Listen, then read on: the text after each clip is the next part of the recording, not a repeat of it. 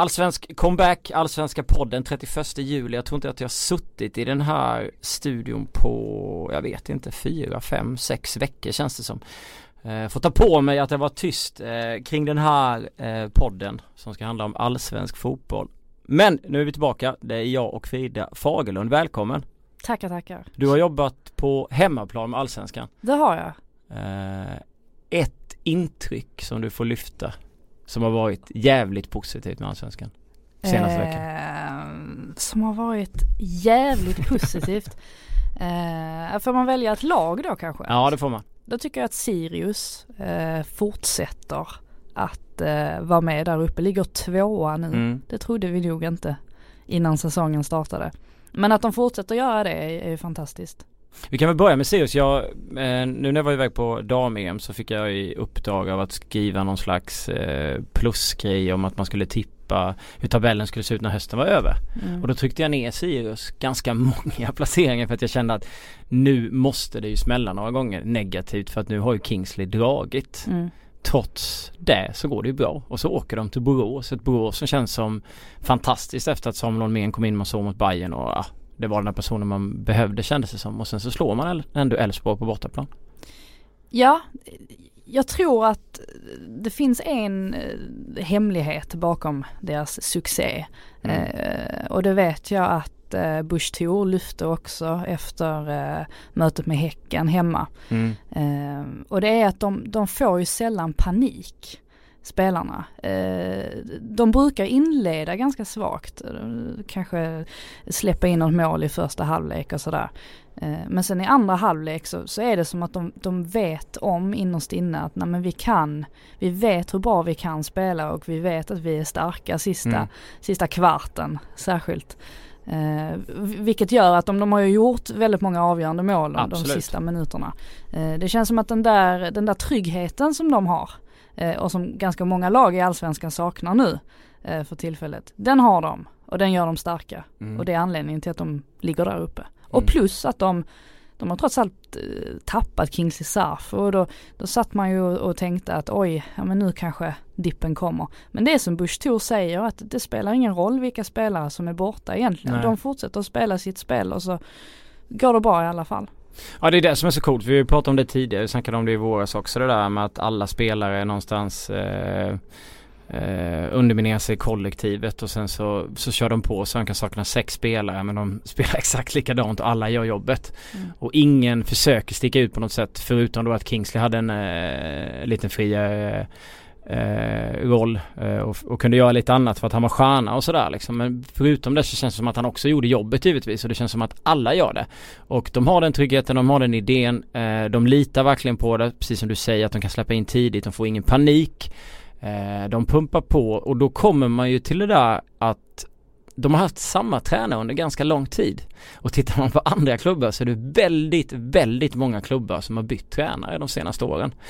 Eh, I stort sett känns ju som nästan alla förutom Sirius, Östersund, eh, vad har vi med som inte har bytt tränare? Joel eller? Eh, J Södra.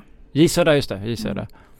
Mm. Eh, annars är det ju liksom tränare som byts hela tiden och då har man det här fantastiska exemplet på Sirius och trots det så gör man inte det och det, det är Sirius som är det där svenska av att ha samma tränare. Det var ju det man alltid var så positiv i, i allsvenskan förr att man liksom körde med samma, samma tränare. Nanne kunde vara i 30 år kändes som i Kalmar och Jonas Olsson och Ren och dem, de var i flera år i Göteborg. Det pratades om att de skulle kickas ut för att de hade dåliga säsonger men de liksom pumpar på med samma tränare hela tiden. Mm.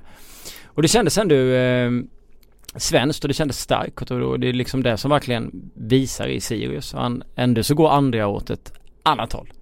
Ja, alltså, det har väl mycket att göra med de eh, ekonomiska musklerna också. Att, att ha, har man lite mer pengar så har man ju råd att tänka lite mer kortsiktigt att kanske värva in spelare mm. för, för större summor pengar. Mm. Har du inte de eh, musklerna, då måste du tänka långsiktigt mm. oavsett om du vill eller inte.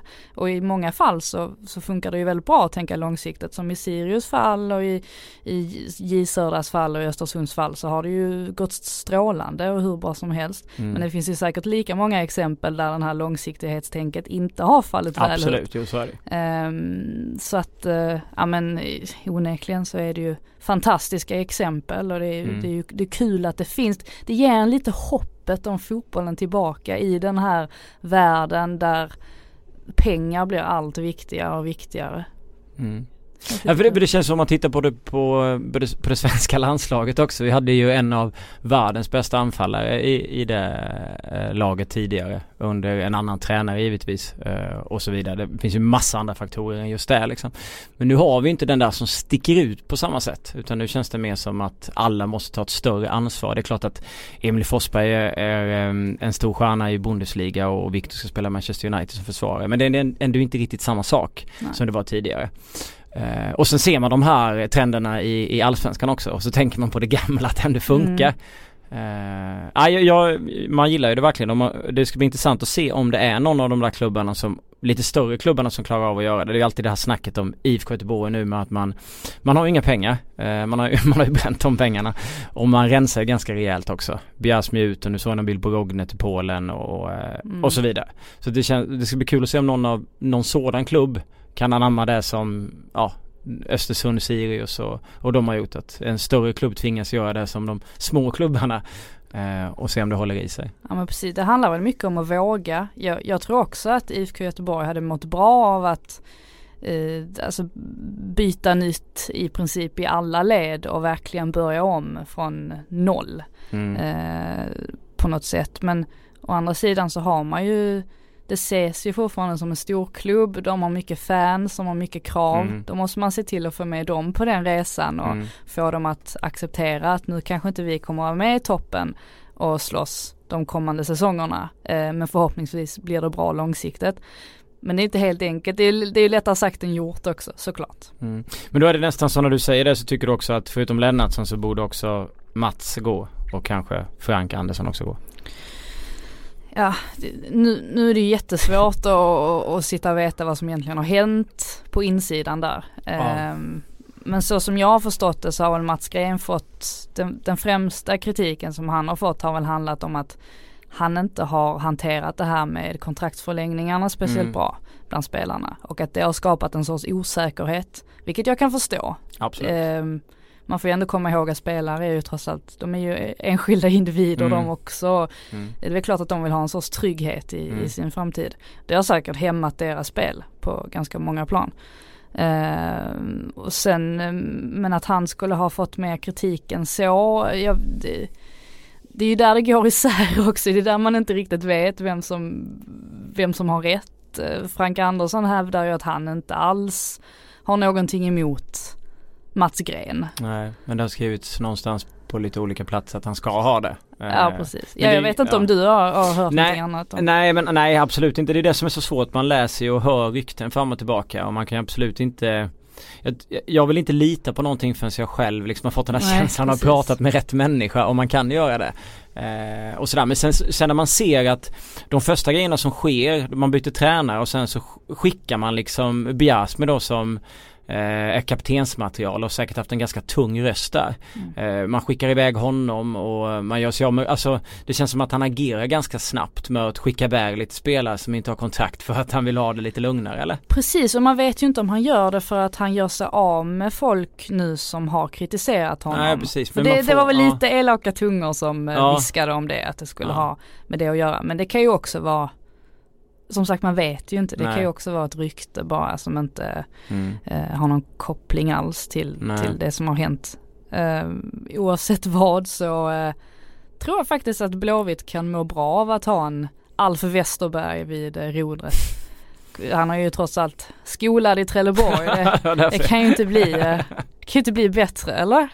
Han känns sjukt mycket Trelleborg för mig. Han känns bara Trelleborg. Han är Eh, väldigt mycket Trelleborg. Ja, eh, man, man ser det, eh, ja. Ja men man får den känslan, han pratade efter matchen där också och han känns väldigt, han känns ju gammeldags på ett sätt. Eh, Precis. och, eh, och så men alltså det är väl det man får göra. Man får väl antingen se det som att han, Mats Green gör de här aktionerna för att han vill ta bort eh, några som kanske har, har varit missnöjda. Eller så gör han de aktionerna för att de här spelarna vill vidare i karriären och, och få, alltså få eh, mm. ja, den här tryggheten som man pratar om och börja om någon annanstans och känna att alltså jag vill inte vara kvar här, jag vill veta vad som händer med min framtid. Och sen om man väljer att eh, gå på den ena linjen som supporter eller vad man nu är eller gå på den andra. Det är väl, ja, det är väl ett ställningstagande man får ta. Men det är väl bara egentligen de två alternativen som finns där. Ja, och sen måste man ju tillägga om Alf Westerberg nu eh, att eh, han, han movar väldigt mycket Trelleborg och, och, och, kanske känns som att han inte är speciellt eh, huvudtränarmaterial sådär men, men han är otroligt kunnig fotbollsmässigt mm. och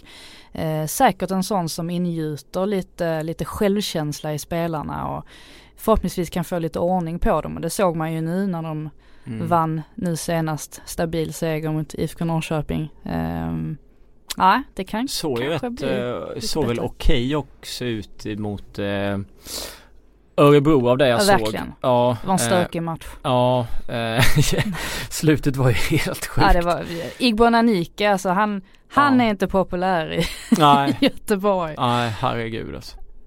Nej. Men det är ju alltså första straffen där är ju inget att snacka om. Samuelsson slänger väl sig med armen upp och täcker i den riktningen som skottet går om jag inte minns fel. Ja nu måste han, jag tänka efter här för att Bollen ska... kommer från högerkanten, spelas mm. in och så kommer han eh, det är väl Kennedy som kommer in till, snett in till vänster där och skjuter och så slänger sig Samuelsson och så har han upp ja. armen så här. Sen andra straffen så bryter han väl in och då är det väl en tröjdragning på en Göteborgsspelare eller en hands tror jag han tar med sig det med. Och sen så är det väl Mix Diskerud som då väljer att eh, göra något väldigt onödigt där. Om inte jag minns helt fel. Jag tror det är han i alla fall och så blir det den här straffen då. Mm, ja, så kan det nog ha varit. För Salomonsson blev, blev utvisad eller hur? Ja. Första varningen var väl när han blev irriterad på Igbo Nanika att han han tyckte han slängde sig i någon situation. Tidigare under matchen. Ja. Ja, sen, det är ju hans andra gula med handen. Ja, han, får inte det, han får inte det direkt där liksom. Mm. Uh, nej men innan, innan det så kändes det ju som att uh, ja nu har de liksom tagit tag i det där. Sen, uh, sen så vann de ju i, igår och jag tror att det finns ett visst värde att de vinner när de spelar med ja, Billy Nordström som ytter. De har plockat hem honom. Han spelar ytterback. Smedberg Dalans spelar också ytterback. Och, mm, eh, skadade sig dock väl ganska ja, tidigt. Men att det finns det där, jag vet inte, det finns så Göteborgs eh, antingen någon ung spelare eller alltså Al Erlingmark gjorde ju mål också. Smedberg är ju väl från Göteborg från början, är han inte det? Jo. Och trakterna där liksom. Så det känns lite Göteborg över det. Torbjörn Nilsson har kommit in i klubben och det finns andra, mm. alltså de vill tillbaka någonstans till något som är mer, ja genuint Göteborg för att få tillbaks Ja, jag vet, jag vet inte om vi ska prata om de gamla goa gubbarna men, men, det, men i alla fall den känslan någonstans. Ja men exakt. Det, det är nästan lite märkligt hur mycket det, det spelar in på ett fotbollslag. Just det här med att, alltså att man alltid pratar om att man ska, man ska gå tillbaka till det, till det gamla, alltså man ska hitta sin, mm. sin, sin identitet och så fort ja. man avviker från sin identitet så går det inte bra. Nej det, det är rätt intressant ändå hur, hur djupt ingrott det är i en klubb. Det finns ju ganska många exempel på, på klubbar som där de liksom avviker från sitt vanliga mönster så har det gått åt helsike om man har ja. fallit rakt igenom seriesystemet. Mm. Um, så ja. Men kommer det gå bättre nu tror du? Kommer de fixa en eh, respektabel sjunde, sjätte, sjunde plats? Det, det, tycker jag väl, alltså varför inte? Mm egentligen. Är, sjätte, sjunde, ja. Sen, sen är frågan vad är, vad är det de begär av den här säsongen Men nu egentligen? kan man väl inte begära så mycket mer tycker Nej. jag. Eh, och sen så får man väl någonstans eh, göra sig av med alla de här eh, man får ju sluta hålla på och låna fotbollsspelare till ja, höger och vänster eh, framöver eh, och hitta någon annan lösning till, eh, till nästa år och så. Eh, men när, när vi pratar identitet då och, och eh, man möter det andra andra kamratgänget som är då från, från Norrköping som har varit de senaste årens eh, en av de senaste årens positiva injektioner i Allsvenskan så är de ju sen U21 EM mm eh, inte alls eh, så pålitliga och det känns som att eh, det, det, det, känns som att det är väldigt mycket obalans eh, i det laget och i, och i, den truppen. De kom in fel där från början och han fick en, ett dåligt avslut i, i U21, eh, hittar jag inte namnet. Wahlqvist kanske? Ja och Dagestål också för mm. den delen. Han drar på sig den där straffen och Wahlqvist hade ju inget roligt i EM. Och så kommer de tillbaka till allsvenskan, släpper fyra mot Örebro är det väl och sen så liksom ja Sen är ju försvaret rätt eh, risigt under långa perioder. Jag, jag satt och tänkte på det precis innan vi skulle spela in och försökte sätta fingret på vad det inte är som fungerar i Norrköping. Fruktansvärt svårt. Uh, så tänkte jag på det Jens Gustafsson sa nu igår. Han, han skyller ju mycket på Europaspelet. Mm. Uh, och det kan jag förstå för uh, inklusive då U21 EM så är det ju ganska många spelare som har väldigt många matcher i, ja, i kroppen. men hur långt kan man egentligen skylla på det? Det är, det är ju ändå ett par lag som också har spelat i Europaspel och, mm. och sådär. Uh, jag vet inte om det bara är att de har kommit in i en lite sämre period. De har ju tappat lite spelare också som har varit viktiga för dem. Mm. Uh, och att de helt enkelt kommer ta sig ur den här svackan så småningom. Uh, jättesvårt. Sen vet jag inte riktigt vad, ja men Jakobsen som har värvat in värvat in nu, vad kommer han bidra med? Mm. Jag tror inte han fick spela va, mot Göteborg. Han kom inte in väl? Nej. Han startade inte i alla fall. Nej. Uh. Han har ju någon slags fotbollist, jag vet intervjuade honom när han var i, i Falkenberg och den danske Hollandinho kallades han ju mm.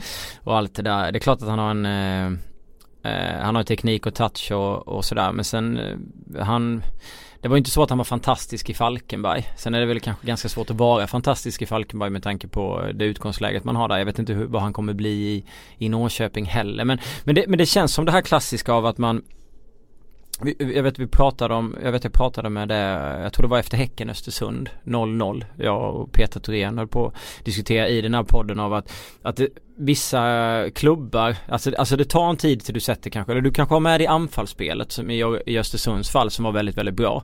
Så vet jag att Jiloan Hamad sa att försvarsmässigt så är de inte riktigt det som de är anfallsmässigt. Och sen hittar du en balans och så går det jättebra under, under en längre period. Men mm. i Norrköpings fall så känns det som att de, de skapar ju rätt mycket. Det är inte så att de spelar liksom tråkig anfallsfotboll under, under stora delar av matchen utan de skapar ju ändå ganska mycket chanser.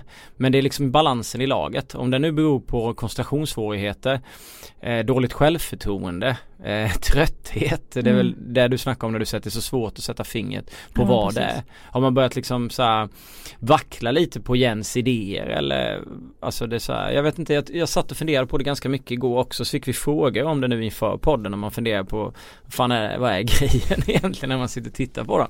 Och det man lutar sig mot mest är ju att det är ett risigt försvarsspel många gånger. Um, det är det som gör att de givetvis släpper in mål men sen finns det ju alltid en eh, en baktanke till det där också. Är det, är det de spelarnas fel eller liksom tycker de att Ja är de trötta, har de dåligt självförtroende eller alltså jag vet inte. Mm. Nu har de ju, eh, hade de ju flyttat ner eh, Dagerstål också eftersom mm. Telo har, har lämnat. Mm. Eh, tyckte inte han fungerade speciellt bra där eh, på den positionen överhuvudtaget. Så det är ju som du säger, då, då, det, då har du en brist där i försvaret och mm det blir ytterligare en, en uh, affekt då av, av det hela. Um. Men jag tycker ju Linus Wahlqvist har varit helt fantastisk i Allsvenskan. Mm. Uh, och sen så kom det här EM-slutspelet när jag inte tyckte att han kom upp i nivå. Och sen så har han inte riktigt gått och han är inte alls så stabil som man tyckte att han var när han kom fram och bara körde på. Det kändes som att det här är en riktigt stabil uh, försvarsspelare. Han kom spela i ett blågult landslag. Mm. Ja men lite så. Och sen började det vackla och nu, eh, nu är det inte så att jag inte eh, tror att han kommer ordna till det där men eh, det är väl en sån pjäs som blir man osäker där så kanske man blir osäker i andra led. Det är så små mentala faktorer som ibland är lite löjligt att mm. prata om dem men de spelar jävligt mycket in i, i det hela. Ja men exakt som sagt de är ju trots allt människor allihopa. Eh, så det är ju självklart. Ibland får man känslan av att människor människor pratar lite om fotbollsspelare som robotar, att, att de förväntas göra det här och det här och varför fungerar inte detta, oj vad konstigt och, och detta borde inte gå fel och, men, men det kan ju vara vad som helst, vi, mm. vi vet ju inte vad som ligger bakom det hela och kanske är någon spelare då som går dåligt och sen så någon till och sen så dras alla med i det här hålet. Vi har ingen aning, det är, men det är som du säger, det är väl en kombination av lite allt möjligt. Eh, jag tror dock att de kommer ur den här. Mm. Eh, det kan inte fortsätta hur länge som helst. Nej, men det är nog några matcher. Jag tänkte på det när jag var på dam-EM, stod och pratade med Lotta Schelin. Eh, efter att Sverige hade åkt ut mot Nederländerna och hon hon kan vara väldigt bra på att uttrycka saker och ting. Jag gillar verkligen att prata med henne in i mixade zonen. Hon får svara på alla frågor, jättetrevlig och, och allt sådär liksom. Och då, eh, innan när de förlorade mot Italien, de gjorde tre eh, ändringar i backlinjen. Och så pratar de då om att de gjorde de här ändringarna för att de tänkte att de vinner mot Holland för att de här spelarna får eh, vila.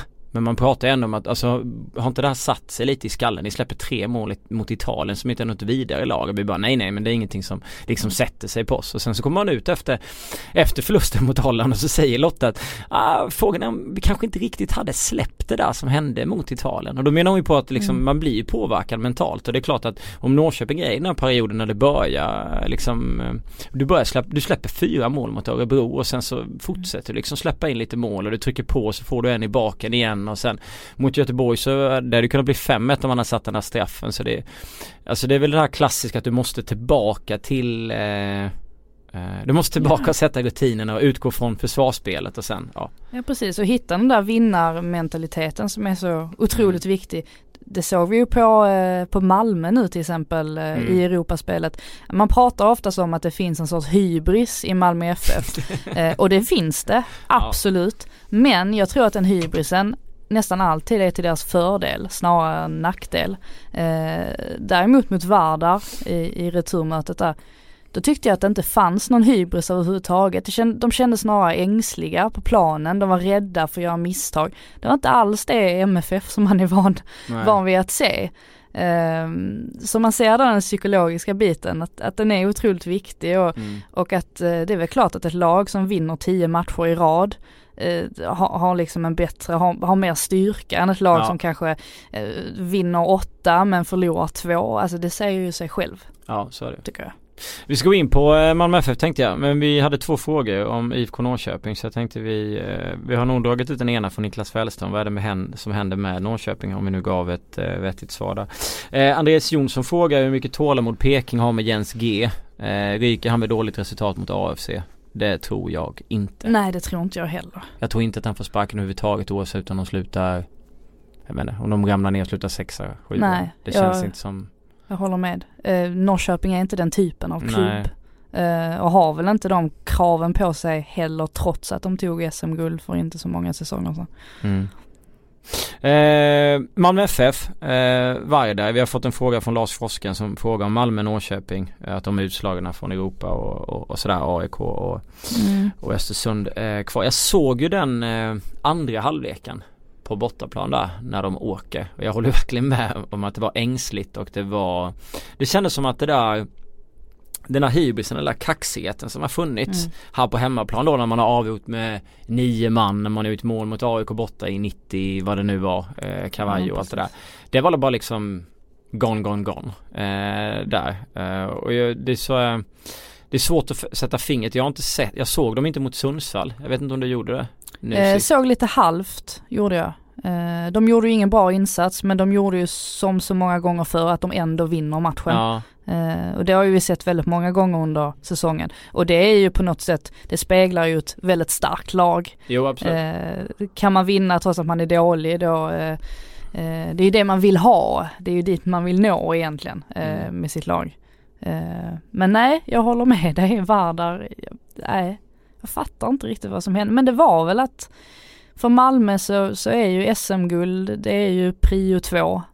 Eh, prio ett är att ta sig ut i Europa och de blev väl lite skraja där när de insåg att shit, vi kan, vi håller på att tappa det här. Det mm. kan liksom rinna ur händerna på oss. Men då får man ju verkligen känslan, man tittar just på den matchen, nu tar vi inte Östersund Galatasaray. Men när man mm. tittar på den matchen känner man hur låg nivå håller allsvenskan? alltså man känner lite, borde inte vi Har man inte ställt den frågan jo, till sig jo, själv ganska många jo, gånger? Jo men man känner verkligen där, de är inte i säsong eh, Malmö ska vara bröstet utåt för, för, Sverige och de har varit i Champions League tidigare och de, de känns ju liksom eh, väldigt, väldigt bra och då får man, man får en dålig känsla för allsvenskan när man ser det där. Och jag vet Mm. vi hade den diskussionen så mycket förra året.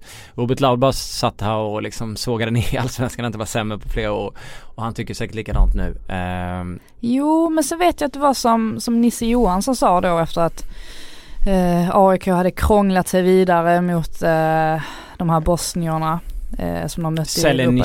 Selenica. Jag, vill- jag vill inte ens försöka mig på att uttala det men eh, laget från Sarajevo eh, kan vi ju säga.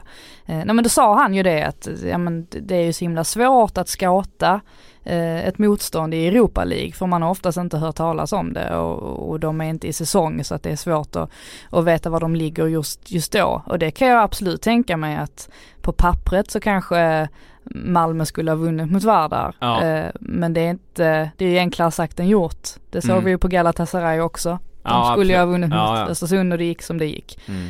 Eh, Så på ett sätt så är det väl att Europa League är ganska svårt att spela eh, på det sättet. Ehm, Men annars så vet jag inte. Jag vet ju om man, om, om man tänker eh, i Skandinavien rent generellt så, så sa ju Jeppe Andersen, eh, Hammarbys nye dansk, eh, han sa ju det att danska ligan var ju bättre än den svenska förr. Men eh, nu är han inte lika säker på att det faktiskt är så. Han tyckte snarare att allsvenskan håller högre standard. Och det visar ju Förutom FCK då kanske. Ja men exakt, det sa han ju såklart. FCK är ju i en klass för sig. Eh, och det är ju lite intressant att Mm. det känns ju som att vi går åt rätt håll. Och ändå får vi de här Mm. ganska halvkassa Europaresultaten. Ja, jag vet inte. Jag vet inte om du har en eh, bättre analys av vad det är som är Eh, fel. Nej, alltså.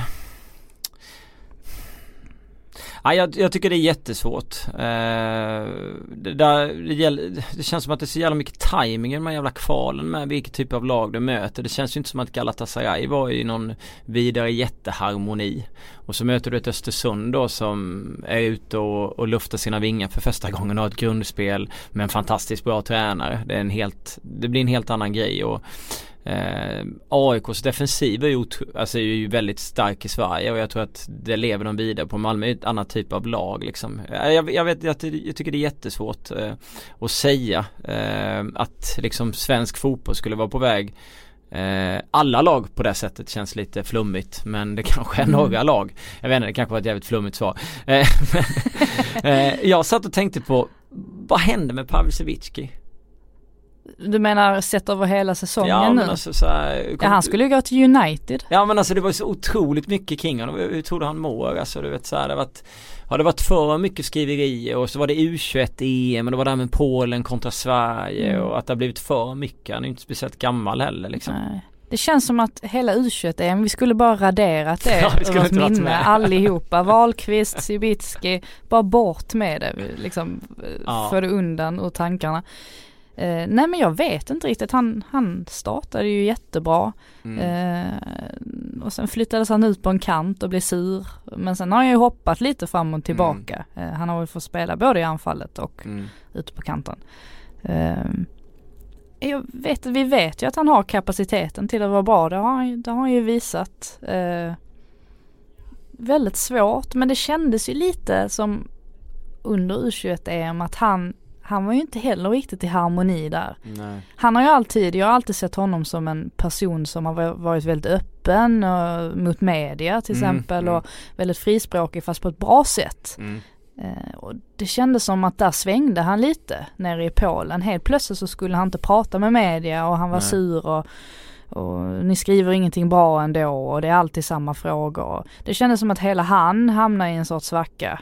Mm. Eh, jag vet inte om det kan ha påverkat att han helt enkelt inte har kommit ur den i nu men eh, Det kan vara för, för, stor, eh, för stor press på honom också med det, i den åldern så att det var kanske därför han valde att, att, att dra sig Ja. undan mer än att vara Alltså sen är det klart att en, en person som är i harmoni och det går bra då har man inga problem att stå så här och prata eh, Och det är väl lite Det är väl lite den, den känslan som man får och, över just han under U21 och att han kanske inte riktigt har hittat tillbaka dit. Sen är det svårt, Malmö har ju eh, Om man tar Malmö som lag där eh, så känns det som att de ändå, de, de slår väl Jönköping efter och sen slår de Sundsvall. Mm. De kommer säkert ta allsvenskan till slut ändå. Vi såg att de gjorde det förra året utan en tränare som de egentligen trivdes med. De bara gick ihop som en grupp. Men det var väl det som var mest förvånande för mig tror jag mot Vardar. Att de inte hade det. För att förra året kändes det som att de kunde Det här året och förra året under allsvenskan känns som att de har vunnit matcher trots att de kanske inte alltid riktigt har De gillade inte alltid de idéerna som Allan Korn hade. Nej. Men de har ändå kunnat vet, så här, sluta sig Eh, likt typ Östersund gjorde mot Galatasaray och ändå fixa de där matcherna. Eh, ja. Nej, det var ju ett fruktansvärt fiasko i vilket fall som helst. Eh, mm. Man hade ju i princip man hade väl inte räknat med det men man trodde väl ändå att eh, de lottades mot eh, FC Köpenhamn där i rundan därpå mm. och man tänkte liksom att ja, men där har de ju en rejäl morot att jobba för. För det är klart att man vill spela de matcherna. Mm. Det är ju som ett, alltså, ett Öresundsderby är ju hur stort som helst. Mm. Eh, men nej, det var ju någonting som inte, någonting som inte räckte till. Jag såg andra, jag missade första, Bro som blev utbytt va? Det minns jag inte ens. Jo, jag tror han blev utbytt. Jag vet inte om du såg hela. Uh, men han, uh, jo. Om inte jag missminner mig helt kan jag säkert få skit för sen. Men så var det i alla fall. Uh, jo, men vad var det vi skulle gå vidare på? Nu har vi pratat lite allt möjligt. Ja, vi är väldigt spretiga. Men, men det, jag känner det också. Det är inga, ja. Mm, men eh, men alltså jag vet inte det här med att, att man blir så sliten. Vi har jävligt lång försäsong och allt det där men att jag är lite så förvånad att Östersund till exempel inte kan inte klara sig på två fronter riktigt och, och sådär. Att, att det tar så mycket energi. Mm. Jag tycker ändå att man borde klara att spela den typen av fotboll.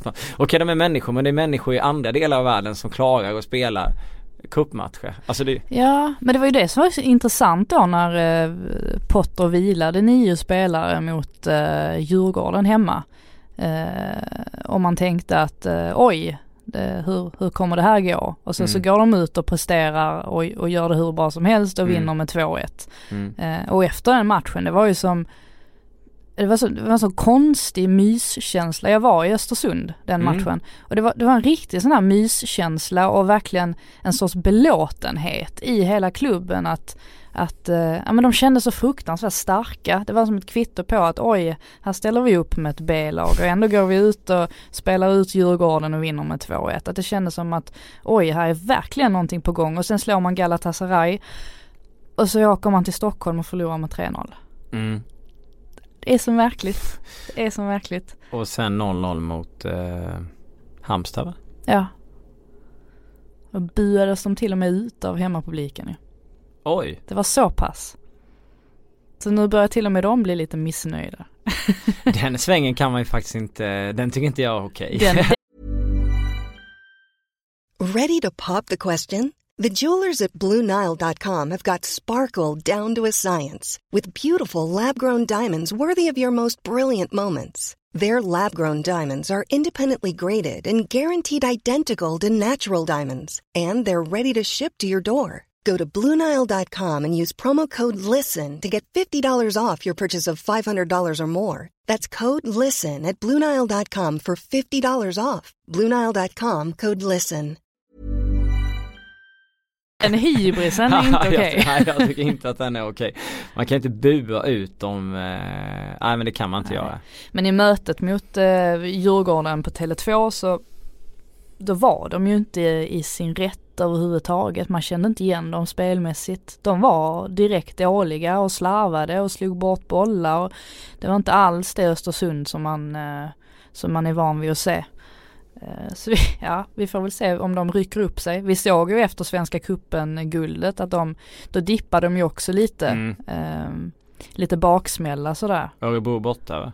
1-2. Ja precis. Eh, så att eh, de kanske har en liten hangover som mm. de behöver komma över. Brorsson gick ut i 46 jag var tvungen att kolla så att jag inte satt Är det det du håller på? Suttit och scrollat nu i flera minuter? Ja men jag var tvungen, det var sjukt svårt också. eh, och hitta det i, eh, i, eh, jag var inne och kollade på Wikipedia. kan man alltid lita på. Äh, kan man det? Ja det kan man. Tycker sällan det är rätt på mål och uh, jo, antal gjorda matcher och sådär. Jag litar inte alls. Du gillar inte det alls? Nej, alltså? transfer market är mycket bättre. Kan jag rekommendera. Tyska, tyska Mm. sidan ja. Ja, eh, nej det där är ju, eh, det är verkligen intressant med, med de här klubbarna. Eh, jag vet inte hur långt känner du att Östersund, nu möter de ju Fola Esch från Luxemburg, vann 1-0 hemma. De hade ett rött kort borta i gänget där. Eh, Nu, nu vill man ju säga att ja men Luxemburg, det är väl klart Ja. att man ska vinna mot dem. Ja men det är, Eh, ja. Men det är ju inte säkert. Eh, var det inte Rangers som förlorade mot ett lag från Luxemburg? Det var nog inte Folaesh. Det var ja, det kan vara. Dodelange kanske. Ja, Det- F93 Dodelange eller något sånt. Ja, det var- det var någonting ja, det var, det var så man ser ju att vil- vilka lag som helst kan ju åka på en, en smäll mot ett lag från Luxemburg. Eh, 1-0, det är inte speciellt mycket att gå på Nej. heller. Eh, men det är väl klart att de måste ju ändå ses som lite av favorit. Har man slagit ut Galatasaray och har spelat 1-0 på hemmaplan så är det klart att man åker till Luxemburg och är lite större favoriter. Mm. Så jag tycker nog att eh, det ska de ju kunna greja. Mm. Jag fick en fråga innan av, eh, av en kille på, på Twitter om, om Häcken egentligen. Alltså har man det kändes som inför säsongen då när de gick där och åkte till, till Stockholm och så fixade de poäng mot AIK och, och den biten och så kändes det som att det här kommer bli bra. Men har man, har man redan liksom tagit känslan av att vi får, vi får vi får väl räkna dem som ett eh, målsnålt gäng som inte kommer, ja, förutom Sirius borta då, eh, bjuda på så mycket trevliga matcher förrän nästa år. Att det är den här perioden av att man måste eh, låta mycket större få ett år. Ja, uppenbarligen. Eh, jag vet, jag såg ju matchen mot, mot Sirius där som också var väldigt stökig. Det trodde Ja. man inte på förhand Nej. att den skulle bli. Ja, den var lustig. Eh, och då ser man ju att i, i deras anfallsspel när de väl eh, ja, men kontrar till exempel så de har ju en jäkla massa fart i, i anfallsspelet. Jag tyckte han eh, Iran Dust eh, var, var väldigt bra i den Mm. matchen. Egentligen, egentligen den enda positiva eh, grejen i, rent offensivt i, i deras lag Mm. den dagen. Mm. Eh, sen var det ju Nasir Mohammed gjorde ju en vansinnestackling en minut efter att han hade slagit in eh, sitt mål där eh, och eh, blev utvisad till slut. Ehm, så det är klart att det finns, att det finns ljusglimtar men mot slutet av den matchen så sa de ju själva efteråt att de, de väntade ju bara på att domaren skulle blåsa av matchen för Mm. de, de kände att vi, vi klarar inte av det här. Nej. Sirius tryckte på så fruktansvärt. Mm. Ehm, så nej, det är också, som, ja, vi trodde väl mer på dem, men ja, han kanske behöver ett år till. Jag vet inte. Det är också svårt, eh, det känns som att eh, vissa lag i allsvenskan, det är svårt att sätta fingret på vad det inte är som fungerar riktigt. Eh, och de är ett av de lagen.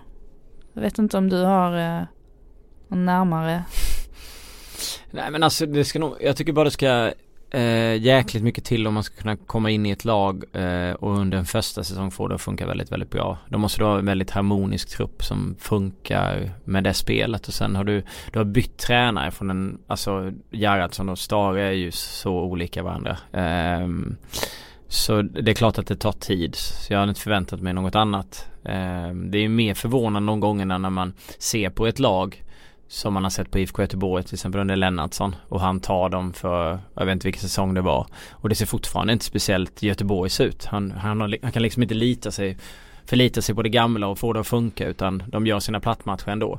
Det är väl då det är konstigt lite som att Graham Potter nu skulle få, börja få jättestora problem med Östersund skulle ju kännas konstigt för att det finns den här tryggheten men jag är inte så förvånad att det inte funkar med Häcken.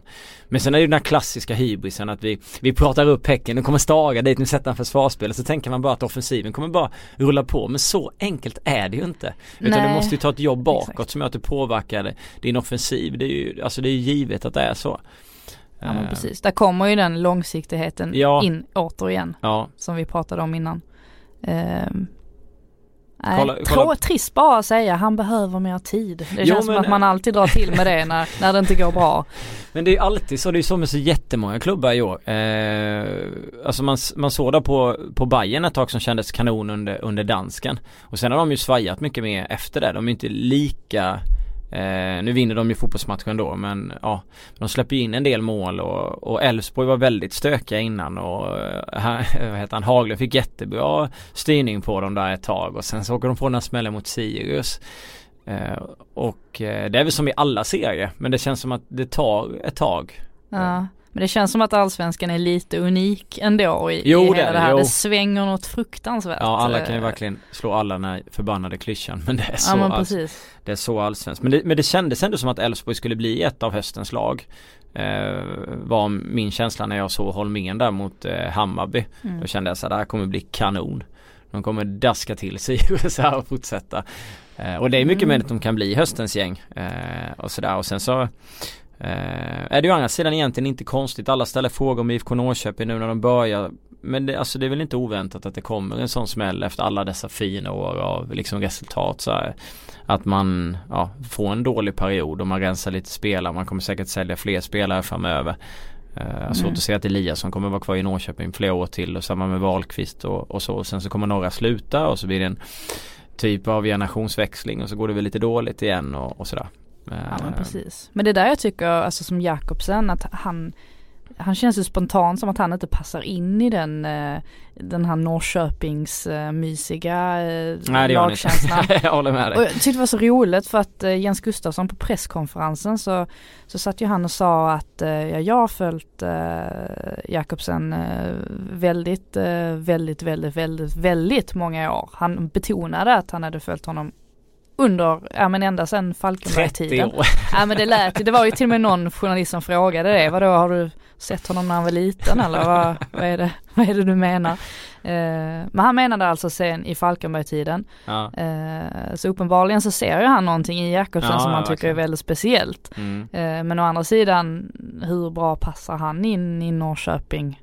Ja, det, det, får, vi ju, det får vi ju se. Men eh, Det känns ju som väldigt, eh, ehm, alltså Ja jag förstår vad du menar med passa in där med tanke på de killarna som spelar där och de här eh, jag vet inte riktigt vad jag menar egentligen när jag Nej, säger, men, men det, alltså- men det är någon sorts lite såhär Han slogs ju på en träning i, i, i. Falkenberg och du kan ju inte se Elias som slåss på en Nej. träning eller, eller Andreas Precis. Johansson dunkar ner. Alltså det händer ju inte. Så det är klart att det Ja. kanske är lite Jag tror att du tänker att det kanske är lite snällare killar i Norrköping eller? Jag tycker att det finns en sorts eh, solidaritet spelarna Mm. emellan som, som man kanske kan se, nu, nu jämför jag alltså Norrköping med Barcelona. Men i, i Barca, i alla fall tidigare säsonger så har det ju också funnits en liten det här eh, eh, superstarkt kollektiv Mm. och, och man har verkligen jobbat för varandra och det har känts lite skolpojkaktigt. Mm, Och jag tycker att Norrköping har varit det svenska svaret på FC Barcelona. Ja. Precis, kanske inte tiki-taka-mässigt men Bra rubrik är det ju. Ja men precis, Mm. eh, klassiskt att jämföras med Barcelona. Eh, ja men det, är- det är väl där jag tycker att Jakobsen kanske inte passar in. Eh, Mm. Men ja, de kanske håller på att hitta en ny identitet. Fast det slog vi ju fast precis att det inte var bra när man avvek från sin identitet så att jag vet inte hur det här kommer att sluta men eh, Ja, jag tycker att de ska följa, ramla tillbaka till sina grunder ehm, och köra vidare därifrån. Få lite lugn och ro, eh, vad det nu är för någonting men det som har varit tidigare. mm. Ehm, Men det är klart det har hänt mycket under de åren där med de har bytt mycket spelare och sådär. Men ja, eh, jag ska ta en fråga om ÖSK. Jag bara hoppar fram och tillbaka. Det är nog årets rörigaste podd. Oskar Isaksson. Jag anser att ÖSK behöver en till anfallare bakom Kennedy då- Lundberg och Sköld är för dåliga. Håller ni med om det? Alltså hur, ehm, för jag tänker visst brukar han slänga upp Besara i anfallet när Igman Anike inte spelar. Mm. Ja, det brukar han göra. Eh, tillsammans med Sköld vanligtvis. För han har väl lämnat, eh, heter han Divine Na? Eller är det Divine Na? Jag Det vågar är en inte. bra, eh, bra fråga. Han har väl återvänt till City. Det Tror tror jag. jag att han har, jag. Eh, för han fick väl också starta några matcher. Mm. Har jag för mig. Eh, jag Men- vet inte, när Sköld har väl inte riktigt nått upp till Sköld känns i inte som nivå. allsvensk nivå för mig. Ehm, det kanske är taskigt att säga det men jag Har inte du sagt detta Jo, förr? jo, jag tyckte att det var jättekonstigt när man valde att jag tror det var i Göteborg som plockade in honom där som fjärde anfallare istället för att testa någon 17-18-åring och få vet, träna lite mer och spela med en, med en allsvensk trupp. Så att, nej, det, det, är ingen spelare som jag är speciellt imponerad av. Så att, eh, nej, jag tycker inte att han, eh, att han håller. Nej. Annars gillar ju jag eh, Mike Sema, alltså när han mm. sätts ut på en kant och Besara då i anfallet. Jag tycker att det har fungerat ganska bra. Michael Omo. Ja men precis, han är ju, han har ju varit jättebra också. Mm. Um, så jag vet inte riktigt. Ja. Så det har ju inte de den budgeten. Alltså, det var väl en del spelare som de höll på, ja men bland annat Mike Sema, det var väl inte helt klart att han skulle förlänga kontraktet nu och sådär. Eh, men de har ju inte heller de ekonomiska musklerna så de kan ju inte bara plocka in någon. Nej. Hux flux. Men de har ju det där, eh, vi fick frågan om det också från eh, Fletcher, vad som saknas för att nå nästa nivå. Så här, om man tittar på laget så har de ju en 5-6 offensiva pjäser som om de funkar så blir det ju rätt bra fotboll. Omo, Besara och, och Kennedy och Garcic och, och så vidare. Alltså har de en bra dag så kan de ju klassiskt allsvenskan som vi pratar om. Alltså slå de flesta lagen. Men det är väl också det här också typiska allsvenskan av att det, det, är svårt att få balansen i ett helt lag. Alltså deras defensiv är ju inte alltid den bästa och så vidare. Så det känns väl som att när man ska svara på det där så är det som man ofta svarar att stabilisera upp hela balansen i hela laget. Och då behöver man starkare defensiva pjäser som, ja. Mm. Nej men jag håller med. Jag tyckte under vårsäsongen så tyckte jag att eh, Igban Enike var eh, såhär 99% av ÖSKs anfallsspel. Mm. Det tycker jag inte nu längre. Eh, nu är det andra som mm. har tagit för sig och ja men typ Besara och Åmo har varit jättebra. Så nu, nu känns det som att det, det är fler som, eh, som bidrar offensivt och det är väl därför det går så bra för dem nu också. Kan vi, kan vi säga så att avstängningen på Kennedy kanske var bra egentligen? Axén fick spela med andra spel även om han inte gillade och det gick dåligt för dem. Så kanske det var någonting där kanske var så. De kanske kommer att tacka Svenska Fotbollförbundet för den här vansinniga avstängningen i framtiden. Vi får se. Mm, ja, det var en konstig, eh, jag fick bara den känslan. Eh, Erik Modéus, vad krävs av andra lag i ligan, både sportsligt och ekonomiskt för att utmana Malmö FF på alla plan? Eh, de är så mycket rikare än andra klubbar. Så man kan ju liksom inte, man kan inte varva sig Nej. förbi dem, det går ju inte. Utan du måste ju hitta guldkorn och du måste hitta eh, en, du måste ha en tränare som verkligen får laget och, alltså det är ju Sirius, Östersund med lite bättre spelare, eller? Ja, sen, sen är det ju konstigt också för man, man tyckte ju ändå att AIK skulle ha chansen mm. att gå i kapp när de lyckades sälja Isak för alla de eh, Ja absolut, miljonerna. jo men det håller jag med om. Eh, det visar väl också att eh, på ett sätt att Daniel Andersson är en väldigt bra sportchef mm. i Malmö FF. Mm. Eh, verkar otroligt smart i allt han gör och, och tänker väl ekonomiskt och strategiskt eh, oftast. Eh, så det är kanske en väldigt duktig sportchef man ska satsa på först och främst. Eh, det ser vi ju faktiskt det exemplet i många andra föreningar. Tycker du Björn är för dålig? Usch, jag vill inte sitta här och kritisera Björn. Det, jag är alldeles för feg för det.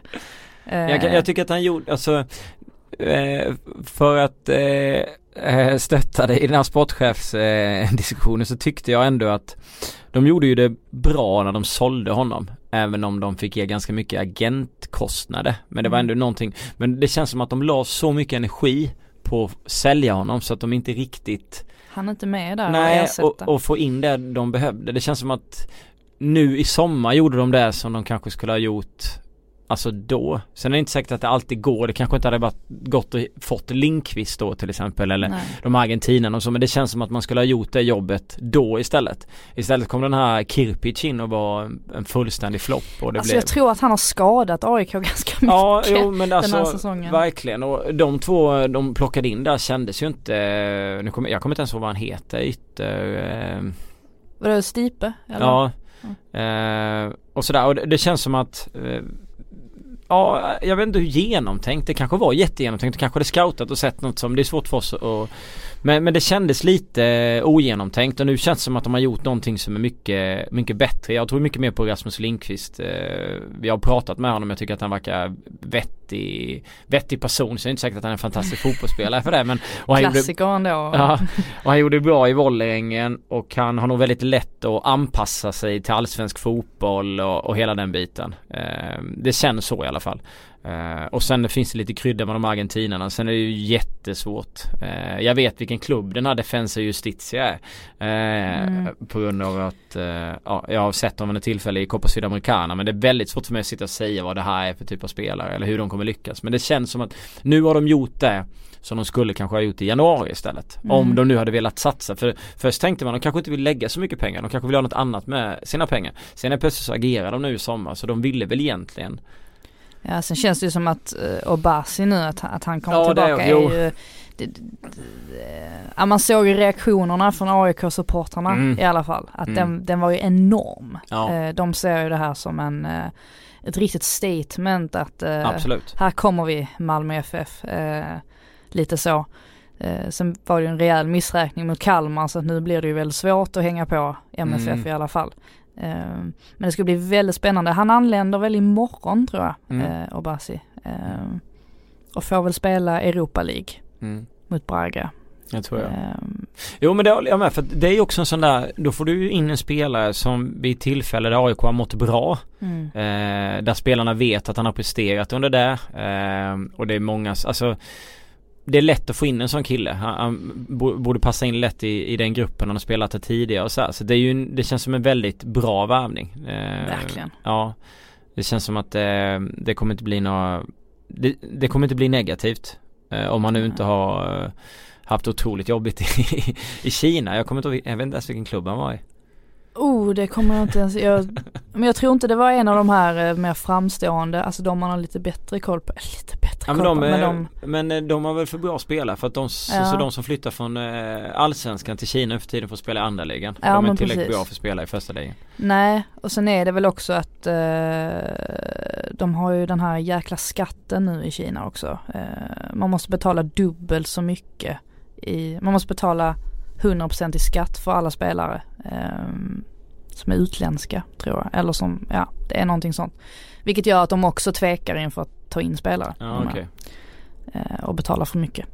Nu ska eh, snart AFC möta Djurgården och Häcken möta Örebro. Vi kommer inte få med de två matcherna i den här podden. Så att folk inte undrar varför i helvete, oj förlåt nu Sverige.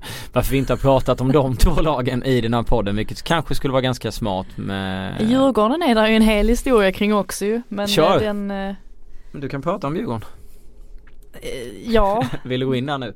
Ja men det kan du göra. Ja, det, det, lite grann kan vi ju prata. Nej men det var ju eh, hela den här Jonas Olsson eh, historien.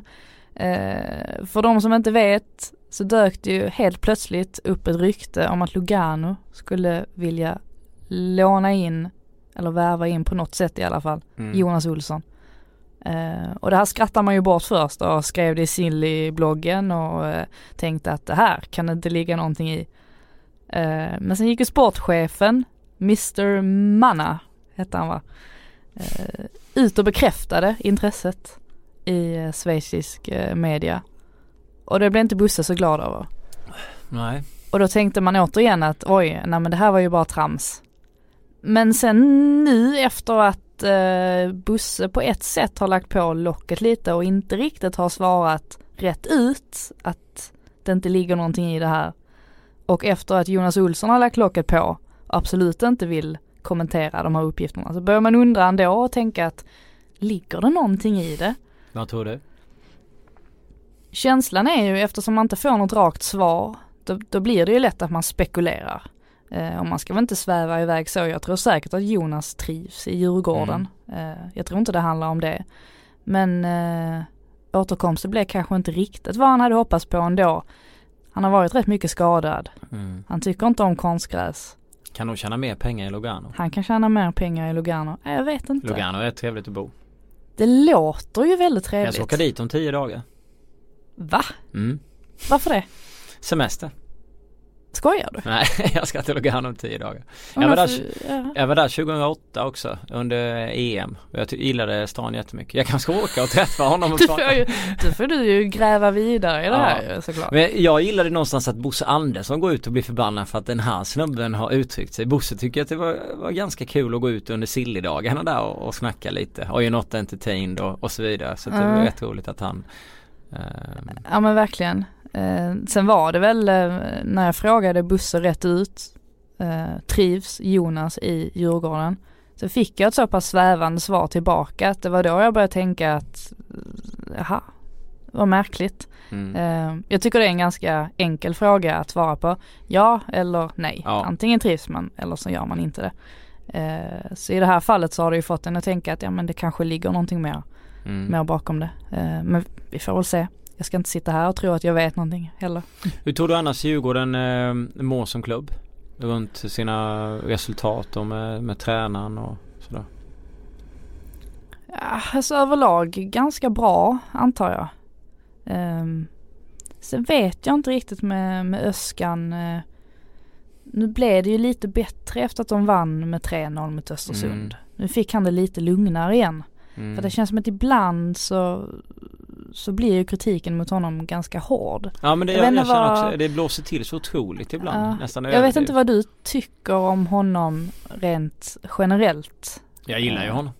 Som, Mm. ja, Som människa. Ja som människa och prata med och, och sådär. Men det känns som att allting, jag, jag kan hålla med om det att i vissa, eh, runt en sån klubb med de spelarna och de supporterna, när man får stryk där och det går lite sämre så blåser det ju till rätt mycket. Och sen har det varit i media rätt mycket snack också. Mm. Eh, varit lite Bosse, det har varit lite Öskan och det var de här värvningarna i början och det är stora namn in och sådär. Så det, jag tror att det är det, en sån sak som gör att det blir lätt att det liksom blåser till. Och han nästan får mer skit än vad de borde ha.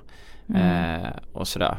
Ehm, Jag tror det kan vara ganska svårt att gå in som tränare i ett sånt lag där det finns så många spelare med så himla mycket erfarenhet. Mm. Ja men som Kim Källström, Andreas Isaksson, mm. Jonas Olsson. Eh, kommer man då in som en tränare som, som Öskan som eh, kanske inte har han har inte tränat, han kom ju ändå trots allt från AFC Eskilstuna. Eh, det var och ju inte som, Syrianska och sådana Ja, klubbar innan. Det är precis. inte 400 landskamper i, i de, i de. Nej, jag tror att det kan vara ganska svårt att, gå in och, och ta kommandot eh, i en sån klubb. Eh, sen som sagt så vet man ju inte hur det har, Nej. hur det har gått.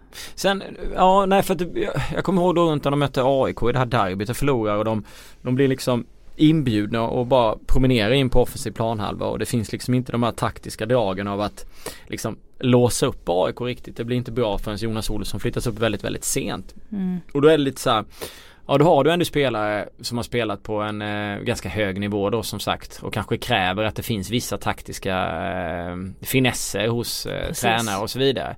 Och sen då så blir det kanske lite diskussioner kring det. Eh, å andra sidan så hade de värvat in sina spelare ganska sent så att han hade inte kunnat testa så mycket Badji eller Garba och, och sådär. Mm. Badji var väl inte ens där då, han hade nog bara Garba som man kunde kasta in. Så det är lite Ja. svårt för att ställa kraven på honom att han ska eh, ha S i hockan men han mest bara har pumpat Engvall i alla matcher. Så det, det blir liten, det blir liten, eh, det är en svår analys att göra. Mm. Ehm. Sen kändes det ju lite som när, när eh, Busse hade värvat in de här spelarna så var det ju lite som att Busse bara, Jo, men här har du Öskan, ja, jag vet. ta nu över och så gör någonting bra av det här. Ja. Det är ju inte det lättaste Nej. uppdraget heller. Det, det läggs ju en del press på ens axlar. Alla blev väl klara typ så två dagar innan Precis. premiären också. Ja. Eh, och du sätter inte ett lag på två dagar. Så ja, nej. Eh, ja, det, det, det, det ska bli otroligt spännande att se vad de får för eh, utväxling av, eh, av de här spelarna. Jag läste någon eh, jag läste något, något plusknäck med pa, eh, som Per Boman hade gjort med Badji. Som menar på att han kunde göra 20 mål typ i Allsvenskan. Om Mm. man fick tillräckligt mycket speltid. Eh, så det ska bli spännande att se om det bara är snack eller om det, om det finns något mer eh, bakom.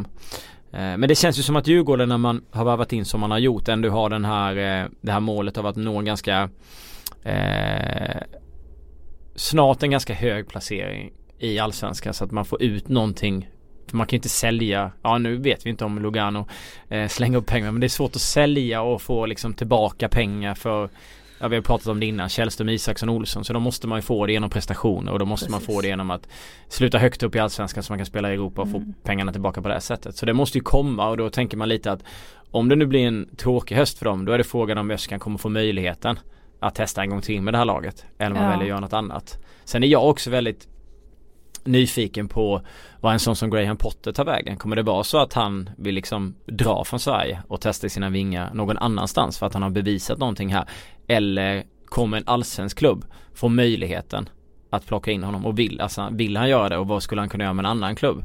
Eh, mm. Där det är en annan kravbild. Eh, sett han i Malmö eller sett han i liksom i Djurgården eller ja, Han fick så. väl förfrågan om eh, IFK Göteborg.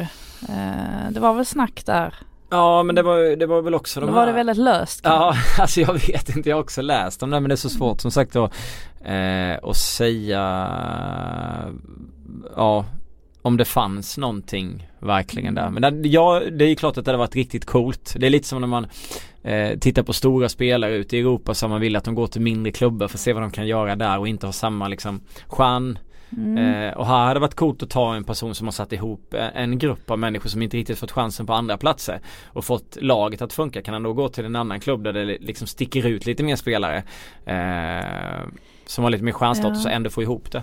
Det är, där, det är ju det där som är så himla svårt. Det är ju där jag tycker att Öskan till exempel är en eh, tränare som Eh, jag tror att han är jäkligt duktig på att med små resurser mm. eh, forma ett väldigt mm. starkt lag med mycket, mycket självförtroende. Mm. Eh, lite, om man ska dra lite paralleller till typ José Mourinho som också är en sån där tränare som när han är en liten mindre klubb då, då är ju han... varit det? Ja men Porto får väl ändå, okay, när de, ja men det får väl ändå ja. ses som Eh, han passar ju extremt bra mm. i den typen av klubb och han, han, är ju så duktig på att skapa det här vi mot dem känslan. Mm. Eh, men att han sen i en liten större klubb när han helt plötsligt har obegränsad budget eh, kanske blir lite mer så här eh, handfallen inför vad han ska göra. Eh, tänk att jag har suttit här, jag, först jämförde jag Norrköping med Barcelona, nu jämför jag Öskan med José Mourinho. Det är, ja vilka, vilka liknelser. Eh, nej men om du förstår lite ja, vad, ja, ja, vad, jag, vad jag är ute Men alltså det klassiska exemplet är väl eh, med honom eh, när, eh, nu är inte Inter en liten klubb men när Inter kliver upp mot Barcelona mm. så blir de ju ändå en, eh, en eh, Ja, i, i de fighterna där och där skapar han ju verkligen den här eh, vi mot dem Han är ju så han duktig på det. Springer runt där på planen och firar som att de har, mm. ja du vet så här. Så det, det köper jag eh, fullt ut. Um, definitivt. Vi har ju passerat eh, timmen nu tror jag. Uh, det är andra gången det händer nu. Det var ju likadant förra, förra podden, förra ja. allsvenska Ja. Då satt vi ju två timmar till slut. Ja det var, det var väldigt långt. Där gick vi igenom varje klubb. Här har vi bara hoppat omkring. Eh, men jag ska ställa, ställa frågan. Jag, jag tyckte att Samuel Olmén kändes som eh, sommarens nyförvärv när jag skulle göra den här plusgrejen. Vad känner du nu lite senare att är sommarens nyförvärv? Är det, är det Obasi? Är det Endo Holmén? Är det någon annan? Uh svårt. Jag tycker eh, Holmén har varit eh, mycket bra. Eh, å andra sidan så tycker jag det finns flera spelare i Elfsborg som har varit mycket bra de senaste matcherna. Där har han inte stått ut eh, så direkt. Eh, jag tycker Jeppe Andersen är ett, ett väldigt bra nyförvärv också. Eh, väldigt, eh, han har väl inte kommit till sin rätt till 100% riktigt än. men tycker att man ser på honom att det finns någonting. Rasmus Lindqvist tycker jag också har haft sina ljuspunkter. Eh, svårt att säga. Jag, mm. eh, och Bassi har man ju inte sett än så att han, han, han, är ju svårt att säga var han står. Mm. Men vad, vad, det, är lätt, du? det är lätt att potentiellt se Obasi som en eh, kanonvärvning för att han har Men verkligen. Eh, ja, men jag la ju det så mycket på att jag såg eh, Elfsborg Hammarby där och bara kände att ah, Holmén han, han är den brickan, han är den där sista som, som kommer bli eh, som kommer bli perfekt för dem. Mm. Um, och det är mycket möjligt att det blir så men det är klart att det kan ju vara um, Det kan vara den här forwarden i AIK som blir den bästa för att han kanske bara börjar spruta in mål. Ja, Stefanelli där, ja. Mm, och det känns ju som att det är verkligen en sak som, som, de, eh, som de skriker efter. Eller så blir det Obasi som gör de där målen. Så vi, vi får väl se. Ehm, Mm. Jag håller däremot med dig att det blir, jag har svårt att se att Jakobsen blir eh, värvningen. Även om jag på sikt eh, tycker att han är intressant. Och sen när du ändå nämnde när vi började med Holmén och pratade om Elfsborg så tycker jag ändå att Simon Olsson Ja, är en gud. spelare som ska få väldigt mycket beröm. Verkligen. Superspelare. Ja. Otroligt kul att, att, att se. Han, ingen respekt överhuvudtaget. Nej. Han bara går in och kör. Han är ung, känns som att han har alltså spelsinne, eh, läser situationer fantastiskt bra och Verkligen. vet precis vad han ska göra och bara sprudlar av självförtroende. Ja, just nu är han ju en av allsvenskans bästa spelare. Ja och det, alltså, det tycker jag är ashäftigt i och med att han är, han är 20 eller 19, han är 20. Har han fyllt 20? Ja, jag är inte riktigt säker. Jag orkar inte googla en gång till. Jag googlat Nej det tog så lång tid när du gjorde det förra gången. Så att med, jag ja, med, med Frans Brorsson eh, så tog det väldigt lång tid. Nej men jag tycker verkligen att eh, det- potentiellt sett så känns han som en spelare som kan bli 19 år han. Ja 19. Det säger man ju alltid när man ser någon komma fram. Man kan bli hur bra som helst. Mm. Eh, och vi bara satt ju och lovordade Alexander Isak här eh, förra säsongen. Att det var någonting som vi inte riktigt hade sett. Och det, det var det också. Sen får vi se vad han slutar med. Men jag, jag gillar verkligen det jag ser av eh, eh, Simon Olsson och, det, och har man självförtroendet och man kan läsa spelet och man inte åker på de här antingen skadorna eller utsätts för en tränare som är eh, som en så känns det som att han bara skulle kunna dansa vidare i Allsvenskan några år till. Ja men definitivt. Eh, det är som du säger att det är ju, det är ju kul. Jag tänkte bara se vad, alltså moderklubb är alltså Öst, Östria Lambohov. Ja men det är ju, där är jag ju. Han är alltså östgöte Mm. från början. Tänkte bara kolla vad han, vad han var fostrad. Annars är det så vanligt med IFK Värnamo. Känns som att de flesta kommer fram där som hamnar i Elfsborg sen. Men ja. Väldigt, väldigt vanligt. Mm. Småland, trevligt. Eh, Skåne och Småland har underhållit i över en timme. Vi är förhoppningsvis tillbaka. Det tar inte så många dagar tills vi är tillbaka den här gången tänkte jag. Eh, det tog väl en månad innan Mm. vi gjorde en podd. Men ska bli lite bättre på det. Tack för att ni har varit med oss. Vi eh, hörs eh, igen om eh, några dagar.